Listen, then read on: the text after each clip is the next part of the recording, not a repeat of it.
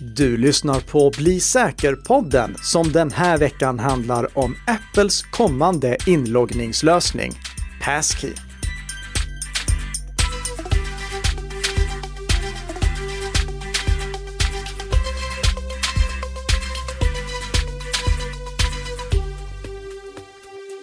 God morgon, god morgon, krya, friska, glada Tess!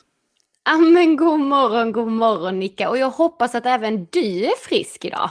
Ja, det är jag. Det, det var inte någon corona som du hade råkat få förra veckan alltså? Nej, nej, nej, nej, nej. så här barnförkylningar. Ah, Ja, ja. Men eh, vi håller ändå avstånd fortfarande för att vara lite på den säkra sidan. Det hör ju ihop med Bli säker-podden, eller hur? Det är podden som produceras i samarbete mellan Nika Systems och Bredband2. Och som den här veckan då alltså följer upp förra veckans avsnitt. För förra veckan, då pratade vi om fem av de stora säkerhets och integritetsfokuserade förbättringarna som kommer i iOS 12, eller förlåt, iOS 15 är det ju, och MacOS 12, även känt som MacOS Monterey, de kommande versionerna av iOS och MacOS som släpps nu i höst. Men vi sparade de två främsta godbitarna till den här veckan för att de var liksom värda ett helt eget huvudämne. Och det är det vi kommer till i veckans huvudämne. Men ni vet hur det är, innan det är dags för det, då pratar vi först veckans snabbisar och innan vi ens går in på det så har vi lite kompletteringar från tidigare veckor. Den första saken, den är angående Mullvads app, för vi pratade om eh, VPN-tjänsten Mullvads app i förra veckan. Och då sa jag att ifall man ville använda den här multihop-tekniken som vi pratade om då, då var man tvungen att använda WireGuard-appen, den officiella WireGuard-appen istället för Mullvads egen app.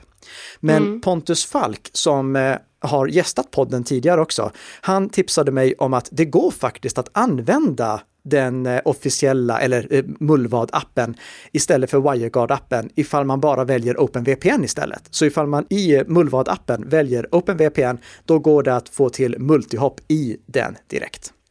Vad bra! Sen har vi en eh, liten, en liten guldstjärna att dela ut också. Vad trevligt! Ja. Ja, för, vem får den denna gången då? Det är faktiskt Apple som får den. För oh. de har ju vad vi kan tyda av deras beteende i alla fall, eller deras agerande ska jag kanske säga när det är ett företag och inte en person. Av deras agerande så verkar det som att de inte riktigt underhåller iOS 12 längre och de mobiltelefoner som är kvar på iOS 12, till exempel iPhone 5S och iPhone 6. Mm. Men nu i veckan, då upptäcktes det att det fanns sårbarheter i iOS 12 som utnyttjades aktivt. Och då släppte Apple faktiskt en uppdatering som åtgärdade det. Så trots att de här riktigt gamla mobiltelefonerna inte riktigt är med på underhållskartan längre så tog Apple väldigt ansvarsfullt och patchade dem i och med att det var aktivt utnyttjade sårbarheter. Vi vet självfallet inte hur länge Apple kommer fortsätta göra det här, men en liten guldstjärna får de i alla fall. Det tycker jag. Imponerande. Mm. Mm. Är det dags att kliva in på veckans snabbisar då, Nicka? Det är det sannoliken. Och den första saken vi ska prata om det är falska Ledger Nano X. Och då måste vi nog börja med att förklara vad Ledger Nano X är. ja. För om du vill handla med kryptovalutor, eh, då behöver du på något sätt spara dina kryptovalutor på ett säkert sätt. Och det kan du då göra genom en hårdvaruplånbok. Ledger Nano X är exempel på en sådan. Den hjälper dig alltså att ha kontroll över din kryptovaluta i en hårdvaruenhet som ingen annan på något sätt ska kunna komma åt. Ledger Nano X är eh, tillverkat av Ledger och eh, det hörs på namnet. och det, är en av de två stora tillverkarna av sådana här kryptovaluta-plånböcker. Ledger hade en incident i fjol i december i fjol, där de råkade läcka sina kunders postadresser. 270 000 kunders postadresser läckte, så att angripare fick postadresser till de som hade köpt till exempel då Ledger Nano X. Aha. Det är någonting som angripare nu drar nytta av. För att ni ska förstå vad det är angriparna gör så måste jag först bara förklara vad en återställningsfras är i det här sammanhanget. För tänk dig att du har köpt en, eh, en sån här hårdvaruplånbok och mm. Eh, så råkar du eh, slå sönder den eller tappa bort den. Då blir du av med all din kryptovaluta. Så om du har några miljoner alltså några miljoner i kryptovaluta, då kan den här hårdvaruplånboken vara skillnaden mellan att du har pengarna eller att du inte har pengarna. Så det måste finnas något backup-system också ifall du skulle tappa bort den eller råka slå sönder den. Mm. Och det finns i form av en återställningsfras. När du börjar använda den här kryptovalutaplånboken, då genereras en nyckel och den nyckeln går att återställa med återställningsfrasen.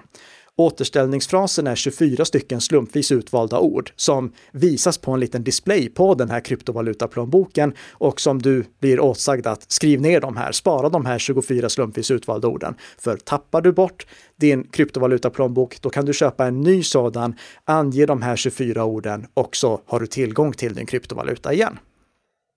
Mm.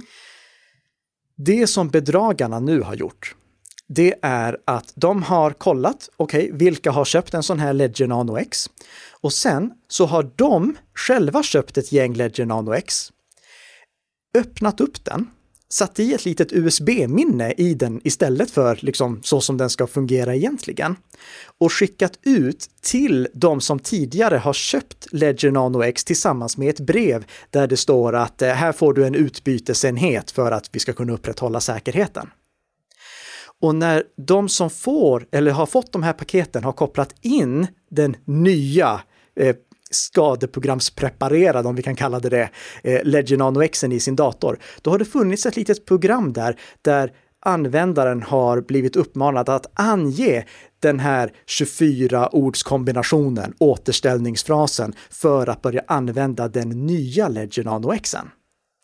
Men det programmet är i själva verket bara någonting som tar de här 24 orden och skickar dem till angriparna så att angriparna sen kan i sin Ledger Nano X skriva in de 24 orden och plocka alla miljoner som finns.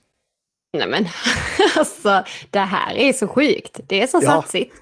Det, de har verkligen lagt manken till för att eh, göra den här ja. attacken. Men det finns ju mycket pengar, för du kan tänka dig, vilka är det som faktiskt skaffar en kryptovalutaplånbok? Vem är det som tycker att det är mm. värt att ha en sån? Mm. Ja, eh, det är alltså en hårdvaru kryptovalutaplånbok. Det är ju de som har mycket kryptovalutapengar. Ja. Så det här är ju väldigt bra offer att attackera och det är väldigt, väldigt snyggt gjort. Verkligen. Mike Grover har tillsammans med Bleeping Computer kollat närmare på den här eh, falska kryptovalutaplånboken som skickas ut. Så vi lägger med en liten länk till Bleeping Computers artikel också. Och om våra lyssnare tycker att Mike Grover låter bekant så är det antingen för att ni följer honom på Twitter eller för att ni lyssnade på avsnitt 30 av Bli säker-podden när vi pratade om OMG Cable. Och MG i OMG Cable, det står inte för My God utan för Mike Grover. Minns du OMG Cable? Ja, lite grann. Det var ju ja. sig länge sedan Unika. Ja, det, det, är den här eh, kabeln som ser ut som en helt vanlig eh, Lightning-kabel för att ladda en iPhone. Ja! Men inuti USB-kontakten så sitter det en eh, liten en liten krets som kan programmeras antingen i förväg eller över wifi av en angripare för att skicka tangentbordskommandon in i datorn. Det är alltså Just lite det. som det här eh, USB-minnet jag har, mitt Never gonna give you up USB-minne som spelar Rick Astleys Never gonna give you up så fort man kopplar in det i en dator. Men det är då tänkt att man ska kunna göra mycket, mycket värre saker med den. I avsnitt 30 då pratade jag om just den här OMG Cable och då sa jag att troligtvis kommer vi inte få se någon sån här OMG Cable med USB-C-kontakten för att USB-C-kontakten är mycket mindre. Mm. Jag tror att Mike Rover lyssnar på den här podden och tänkte challenge accepted. Så eh, nu för några veckor sedan, då släppte han en sådan också. Och Aha. den finns för övrigt även i ett keylogger-utförande. Så om man har ett tangentbord som det går att byta ut kabeln till. Då finns det nu en sån här OMG-cable med inbyggd keylogger som spelar in alla tangentbordstryckningar. Så ifall en angripare har åtkomst till ens eh, kontor så kan angriparen byta ut kabeln mellan tangentbordet och datorn till en specialpreparerad kabel som spelar in alla tangentbordstryckningar. Aj då. Ja, det, varför nämner jag det här? Dels för att det är roligt och dels för att påminna alla nu om att det här är någonting som faktiskt finns. Det här är någonting som angripare kan köpa om ni jobbar med någonting som är säkerhetskänsligt, eh, så ta aldrig emot, liksom, om ni nu till exempel så här i sommarvärmen skulle få en USB-fläkt. Eh, om jag skulle försöka angripa någon, då hade jag gjort det med en USB-fläkt, helt klart. Då hade jag skickat en USB-fläkt till massa potentiella måltavlor och sagt här får ni en liten sommargåva från, mm. och så valfritt företag, typ ta Opel. Det, grattis, mm. du är Opel-användare, du får. jag, jag har ingen aning om varför jag kommer att tänka på Opel, de har inget med det här att göra, men hur som helst, från valfritt företag och sagt här kan du svalka dig. För mm. så många hade kopplat in den i sin dator och då hade jag kunnat få åtkomst till den eller spela in tangentbordstryckningar eller någonting sånt. Så det, så ta inte emot någon fläkt från Nicka i sommar vet vi då i alla fall. Precis. det, det, vet vi. I alla fall inte någon som ska kopplas in i datorn. Koppla inte in någonting, äh, egentligen det gäller allmänt. Koppla inte in USB-saker i datorn om du inte vet varifrån de kommer. Mm. Härligt. Låt oss eh, spinna vidare lite på så här angripare och vad de hittar på.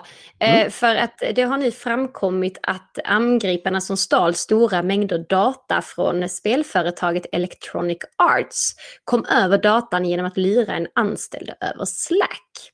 Bland annat så kom de över källkoden för Fifa 21 och källkoden för företagets spelmotor Frostbite. Totalt ska det handla om 780 gigabyte data som nu angriparna försöker sälja vidare.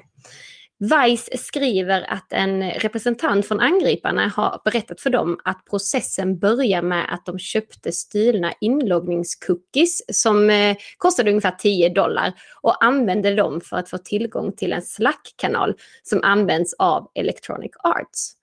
Därefter så skickade angriparna ett meddelande till Electronic Arts IT-support via Slack, där de förklarade att man hade tappat telefonen på en fest kvällen innan och begärde en tvåfaktorsautentiseringskod från IT-supporten så att man kunde få tillgång till Electronic Arts företagsnätverk. Eh, Electronic Arts har nu bekräftat angriparnas tillvägagångssätt och beskrivningen av det. Ja.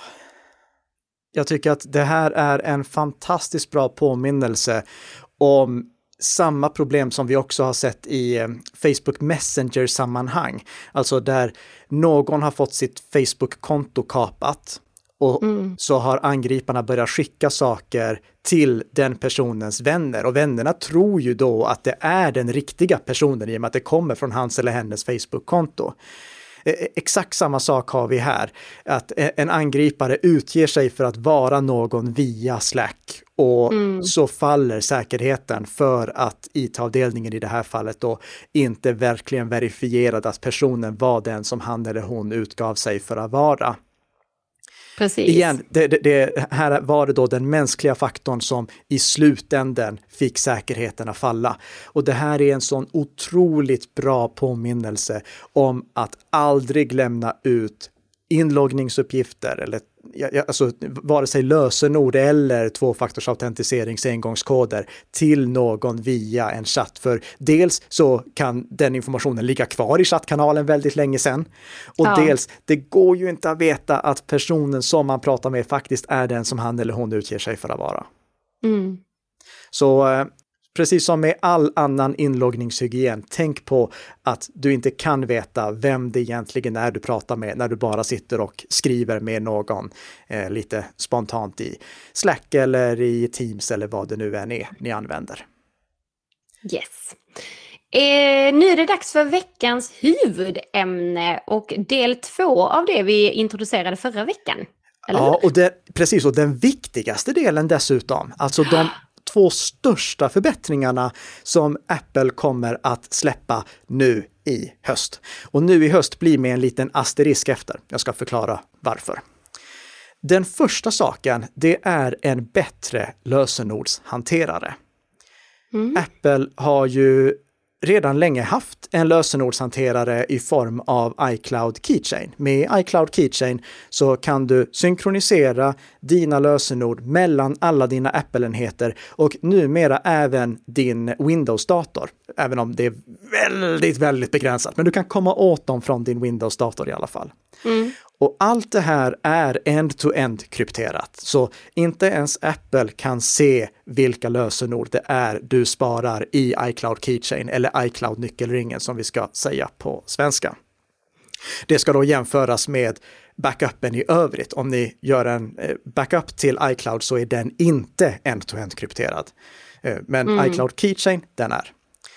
Det de gör nu, det är för det första att göra den lite mer användbar. För tidigare så har det inte på MacOS funnit något smidigt sätt att gå igenom alla sina lösenord, förutom att bläddra i dem i iCloud-nyckelringen, alltså den appen. Och den appen, den används också för att hantera certifikat och massa annat, så den är inte pedagogisk för fem öre. Men nu så finns det i MacOS Monterey en eh, egen liten knapp i systeminställningar där man kan bläddra och söka och importera och exportera sina lösenord som man har i iCloud-nyckelringen. Så ett bra steg i rätt riktning mot att göra iCloud-nyckelringen mer användbar. För det andra så gör de så att iCloud-nyckelringen också kan användas för tvåfaktorsautentisering. När vi pratar om tvåfaktorsautentisering, då är det ju oftast med den här de facto branschstandardmetoden som Google Authenticator också använder, där du har mm. en tvåfaktorsautentiseringshemlighet och så genererar du engångskoder med en app. Vi har tidigare rekommenderat Authy för det och det gör vi fortfarande. Men mm. Från och med iOS 15 och MacOS Monterey så kan du använda iCloud-nyckelringen för det också, så att du även synkroniserar med dina tvåfaktorsautentiseringshemligheter till alla dina enheter. Ah, vad nice! Och det, och det gör ju då att du lätt kan fylla i dina engångskoder när du vill logga in någonstans. Det följer med mm. på precis samma sätt som lösenorden. Det här gör det i Bitwarden också, för Bitwarden har samma funktion. Men det är inte gratis i Bitwarden. Bitwarden har en väldigt väldigt kompetent gratisversion. Men just möjligheten att synkronisera sina tvåfaktorsautentiseringshemligheter som används för att logga in på andra webbplatser, alltså inte för att logga in till Bitwarden utan för att logga in till andra webbplatser. Det finns inte i gratisversionen, utan det är bara i Enterprise-versionen som man kanske har via sitt jobb eller premiumversionen som man kan skaffa privat för 10 dollar per år. Mm. Och 10, dollar, det låter kanske inte mycket, men det är ändå en tröskel att få någon att börja betala.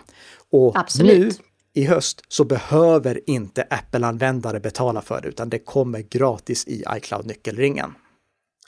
Men detta låter ju väldigt, väldigt bra, Nicka. Skulle du rekommendera detta till våra lyssnare? Mm, alltså, jag, jag, kan ju inte rekommendera en, en lösning som låser in användaren i ett ekosystem jag, jag, kommer inte själv använda det här, dels för Nej. att det inte är lika funktionellt som Bitwarden, men också för att jag har ju mer än bara Apple-enheter och jag vill inte bli inlåst i Apples ekosystem. Så jag kommer mm. fortsätta att använda Bitwarden. Med det sagt så tycker jag att Bitwarden ska sno en idé av Apple, för Apple har gjort det jättelätt. Ja, ja, alltså om Apple snor hela konceptet av Bitwarden, och Bitwarden var säkert inte ens okay. först med det, ja, så är det okej. Okay. Eh, och, och det, det är ju det här som vi gillar när vi ser hur företag plockar säkerhetsidéer av varandra, plockar bra säkerhetsidéer. Mm.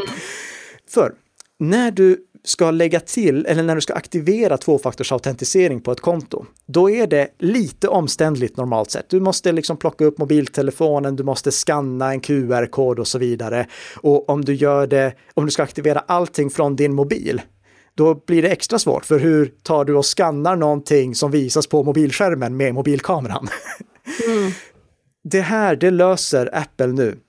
Så när du på din eh, Mac i Safari ska aktivera tvåfaktorsautentisering, då kan du högerklicka på QR-koden och bara välja lägg till verifieringskod. Så hamnar den automatiskt i iCloud Keychain. Mm, smidigt. Och utvecklare som vill göra det superlätt för användare kan också skapa en lägg till i iCloud Keychain-knapp som användaren bara behöver klicka på, oavsett om han eller hon är på en webbplats eller i en app, så läggs tvåfaktorsautentiseringskoden till, eller tvåfaktorsautentiseringshemligheten till automatiskt i iCloud Keychain. Så mycket smidig lösning. Det, jag gillar den starkt. Det är två mm. tummar upp. Kul! Men det var faktiskt bara den näst bästa funktionen. Oj! Den bästa funktionen, det är Passkey. Och Passkey är ingenting som vi kommer se direkt vid lanseringen av iOS 15 och MacOS Monterey, för det är bara det som Apple kallar Technology Preview än så länge. Så vi som har utvecklarkonton kan liksom börja laborera med det. Men det är ingenting som är färdigt, utan det här är troligtvis någonting som kommer senare i höst eller kanske först nästa år. Vi vet inte än när. Okej. Okay. Vi har ju flera gånger pratat om fördelarna med att logga in med WebAuthn. Till exempel att ha en YubiKey, en liten USB-nyckel som man har i sin nyckelknippa. För med WebAuthn och en YubiKey så behöver man inte vara orolig för att det finns något lösenord som kan läcka. Det, det, går inte att läcka något lösenord själv och det går inte för webbplatsen som ansvarar för att hålla våra lösenord säkra att läcka någonting. Vi har ju pratat otaliga gånger om hur webbplatser råkar läcka användarnas lösenord och om hur användare råkar läcka sina egna lösenord i form av nätfiskattacker eller genom nätfiskattacker. Men ja. med WebAuthn och en YubiKey så är det inget problem. När du loggar in med YubiKey, då skriver du in ditt eh, användarnamn och sen så kopplar du in din YubiKey i datorn och trycker på den eller lägger den mot baksidan av din mobiltelefon så är du inloggad. Hur det Väldigt kan... smidigt. Ja, det är supersmidigt. Hur det mm. kan vara så smidigt, det går vi igenom i avsnitten som vi har haft tidigare om YubiKey och WebAuthn. Så jag rabblar inte upp allt det igen, men ni kan lyssna på de avsnitten om ni vill veta mer. En lösning som vi helt klart rekommenderar. Problemet är ju att man måste ha tillgång till sin YubiKey för att kunna logga in. Och värst av allt är ju ifall man skulle råka bli av med den. För blir du mm. av med din YubiKey, hur loggar du in då? Det är därför som vi har påpekat flera gånger tidigare att man ska ha två stycken YubiKeys. Så man har en hu huvud-YubiKey med sig i eh, nyckelknippan och sen en extra YubiKey som man har som backup någonstans hemma. Mm ni lyssnare som följer mig på Twitter, ni såg kanske till och med att jag twittrade ut i veckan hur min huvudsakliga YubiKey såg ut nu. Den har gått sönder helt och hållet. Den började gå sönder för ett tag sedan och nu har den verkligen gått sönder helt, så nu är det bara kretskortet kvar. Eh, och, och det här är inte någon kritik mot Yubico. De, kommer att byta ut den gratis åt mig. Det här var ett eh, problem som var ett kvalitetsproblem som var isolerat till den första batchen av just den YubiKeyn. Eh, och jag har ju en backup också, så det är inga problem alls. Men om jag skulle tappa bort den och inte ha en backup YubiKey, då hade jag haft ett problem. Eller ifall den hade gått sönder helt innan jag bytte ut den, då hade det varit ett stort problem. Ja. Dessutom, att köpa två stycken YubiKeys, det är ju förenat med en stor kostnad. Och det kommer inte vara så att WebAuthn-inloggning slår igenom på bred front om alla användare måste köpa två stycken YubiKeys och eh, bära med sig den ena. Alltså det, det är liksom över tusen spänn som mm. användare måste logga ut då. Ja, verkligen. Det löser Apple nu. För de har ju Touch ID och eh, Face ID i mobiltelefonerna och i surfplattorna mm. och i datorer. I datorerna har de inte Face ID. De borde ha det i datorerna också, men det har de inte. men där har de hårdvara som kan användas för WebAuthn-inloggning. Och det går redan att göra idag. Du kan använda en eh, mobiltelefons Touch ID för att logga in med WebAuthn. Men det som Apple har uppfunnit nu i form av Passkey, det är möjligheten att synkronisera den nyckeln som används för att logga in med WebAuthn genom Touch ID eller Face ID mellan alla dina Apple-enheter. Så om du har två stycken Apple-enheter, då kan du när den här funktionen släpps välja att eh, skapa ett nytt konto med WebAuthn. Och det gör du helt enkelt genom att välja ett användarnamn och sen så lägger du fingret på Touch ID-sensorn eller skannar ditt ansikte. Mm. Och sen synkroniseras den bakomliggande nyckeln mellan alla dina enheter så att du sen kan gå till din Mac och så kan du använda Macens Touch ID-sensor för att logga in på samma webbplats. Och det här löser ju då också problemet med att du måste ha flera enheter, för den här passkeyn, den sparas end-to-end krypterad i iCloud Keychain så att du kan komma åt den från alla dina Apple-enheter. Tappar du bort din iPhone, då kan du ändå logga in med WebAuthn från din Mac. Så jag skulle säga att Apple har i princip löst WebAuthns största problem. Och det här gör att WebAuthn nu kan börja användas på bred front. Tänk dig själv, du ska signa upp dig på en webbplats. Det enda du gör är att du väljer ett användarnamn, upptäcker att någon annan redan har valt det, så då hittar du på ett nytt användarnamn, lägger fingret på Touch ID-sensorn eller skannar ansiktet och så är du inloggad. Och när ja. du ska logga in nästa gång, du skriver in ditt användarnamn, lägger fingret på Touch ID-sensorn och så är du inloggad. Och ingenstans finns det någonting som kan nätfiskas. Skulle du hamna på en sida som försöker nätfiska någonting, då kan inte den sidan göra någonting med det som överförs från din enhet. Alltså den datan som du skickar från dig, den är oanvändbar för nätfiskarna. Och ifall servern som har den andra delen av det som krävs för WebAuthn-inloggning skulle läcka hela sin använda databas så kan inte angripare göra någonting med det heller. Vilken grej! Ja. Det är superbra. Det, det, det här är eh, jättelovande, men jag kommer inte använda det. Nej, varför inte det nu då? För att, eh, det, det, är egentligen det här med inlåsningseffekten igen. Ah. Jag, eh, jag vill inte bli inlåst till att bara använda Apples enheter. Med det Nej. sagt så kan du på de flesta webbplatser som använder WebAuthn idag, där kan du ha flera stycken WebAuthn-nycklar. Så du skulle både kunna ha en YubiKey och din passkey som synkroniseras mellan alla Apples enheter. Det skulle gå att göra. Mm. Så det, mm. det, det, det, är ändå någonting som jag kanske skulle kunna använda för redundans, men det är inte någonting som jag kommer ersätta min YubiKey med. Men Nej. med det sagt, det här är någonting som kommer göra att åtminstone de som frivilligt håller sig inlåsta i Apples ekosystem har en väldigt, väldigt fin ny lösning att använda när Apple väl släpper den. N när vet vi inte än, men förr eller senare mm. så kommer den. Avslutningsvis, om Apple lyssnar på den här podden så har jag ju berömt er väldigt mycket nu. Och då tänkte jag be om en liten gentjänst. För nu gör ni ju då så att det är lätt att använda iCloud Keychain för att logga in med de facto brandstandardlösningen för tvåfaktorsautentisering, de här sex, eh, eh, sexsiffriga koden som är giltig i 30 sekunder i stöten. Mm.